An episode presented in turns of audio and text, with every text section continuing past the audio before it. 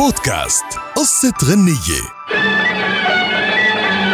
قصة غنية لليوم عن قصيدة أي شيء في العيد أهدي إليك يا ملاكي. وقت اللي بنسمع أغاني ناظم الغزالي رح نلاقي لوازم وموسيقى مشغولة بعناية وبتتضمن توزيع موسيقي مع تعدد الآلات الموسيقية. وكمان إدخال بعض الآلات الموسيقية على أغنيات الغزالي لأشهر الشعراء العرب مثل إيليا أبو ماضي أحمد شوقي أبو فراس الحمداني المتنبي وغيرهم. وراء هذه القصيدة زواج الغزالي من سليمة مراد واللي كانت من الزيجات المثيرة للجدل. البعض بيقولوا إنه قصة حب ربطت بين الفنانين على الرغم من فارق السن بيناتهم. أما البعض الآخر فكانوا بيقولوا إنه سليمة مراد بتكبر الغزالي ربما بعشر سنوات أو أكثر ولكن رغم هيك أراد الارتباط فيها.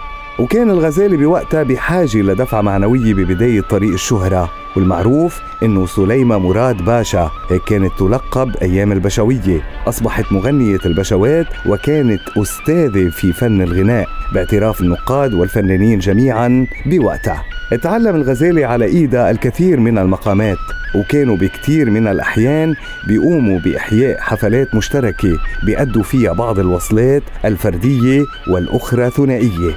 تم زواجهم عام 1953 وخلال عشر سنوات تعاونوا على حفظ المقامات والأغنيات. وبعام 1958 أحيوا حفل غنائي جماهيري كبير فتح لهم آفاق واسعة خارج حدود العراق. فكانت بعدها حفلات بلندن وباريس وبيروت.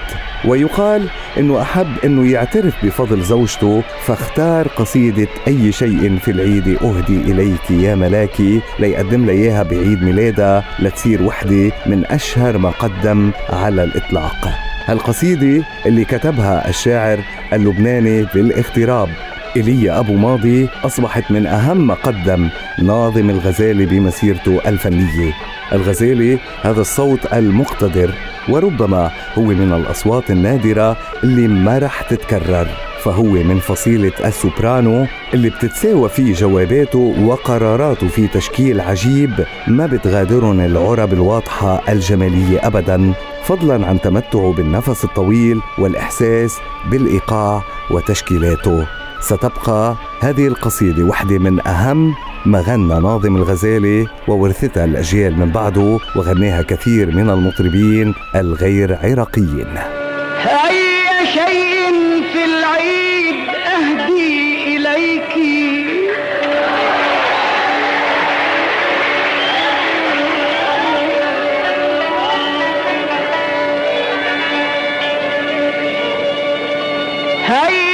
شيء في العيد. أهدي إليك يا ملاكي. يا ملاكي. وكل شيء لديك أسوان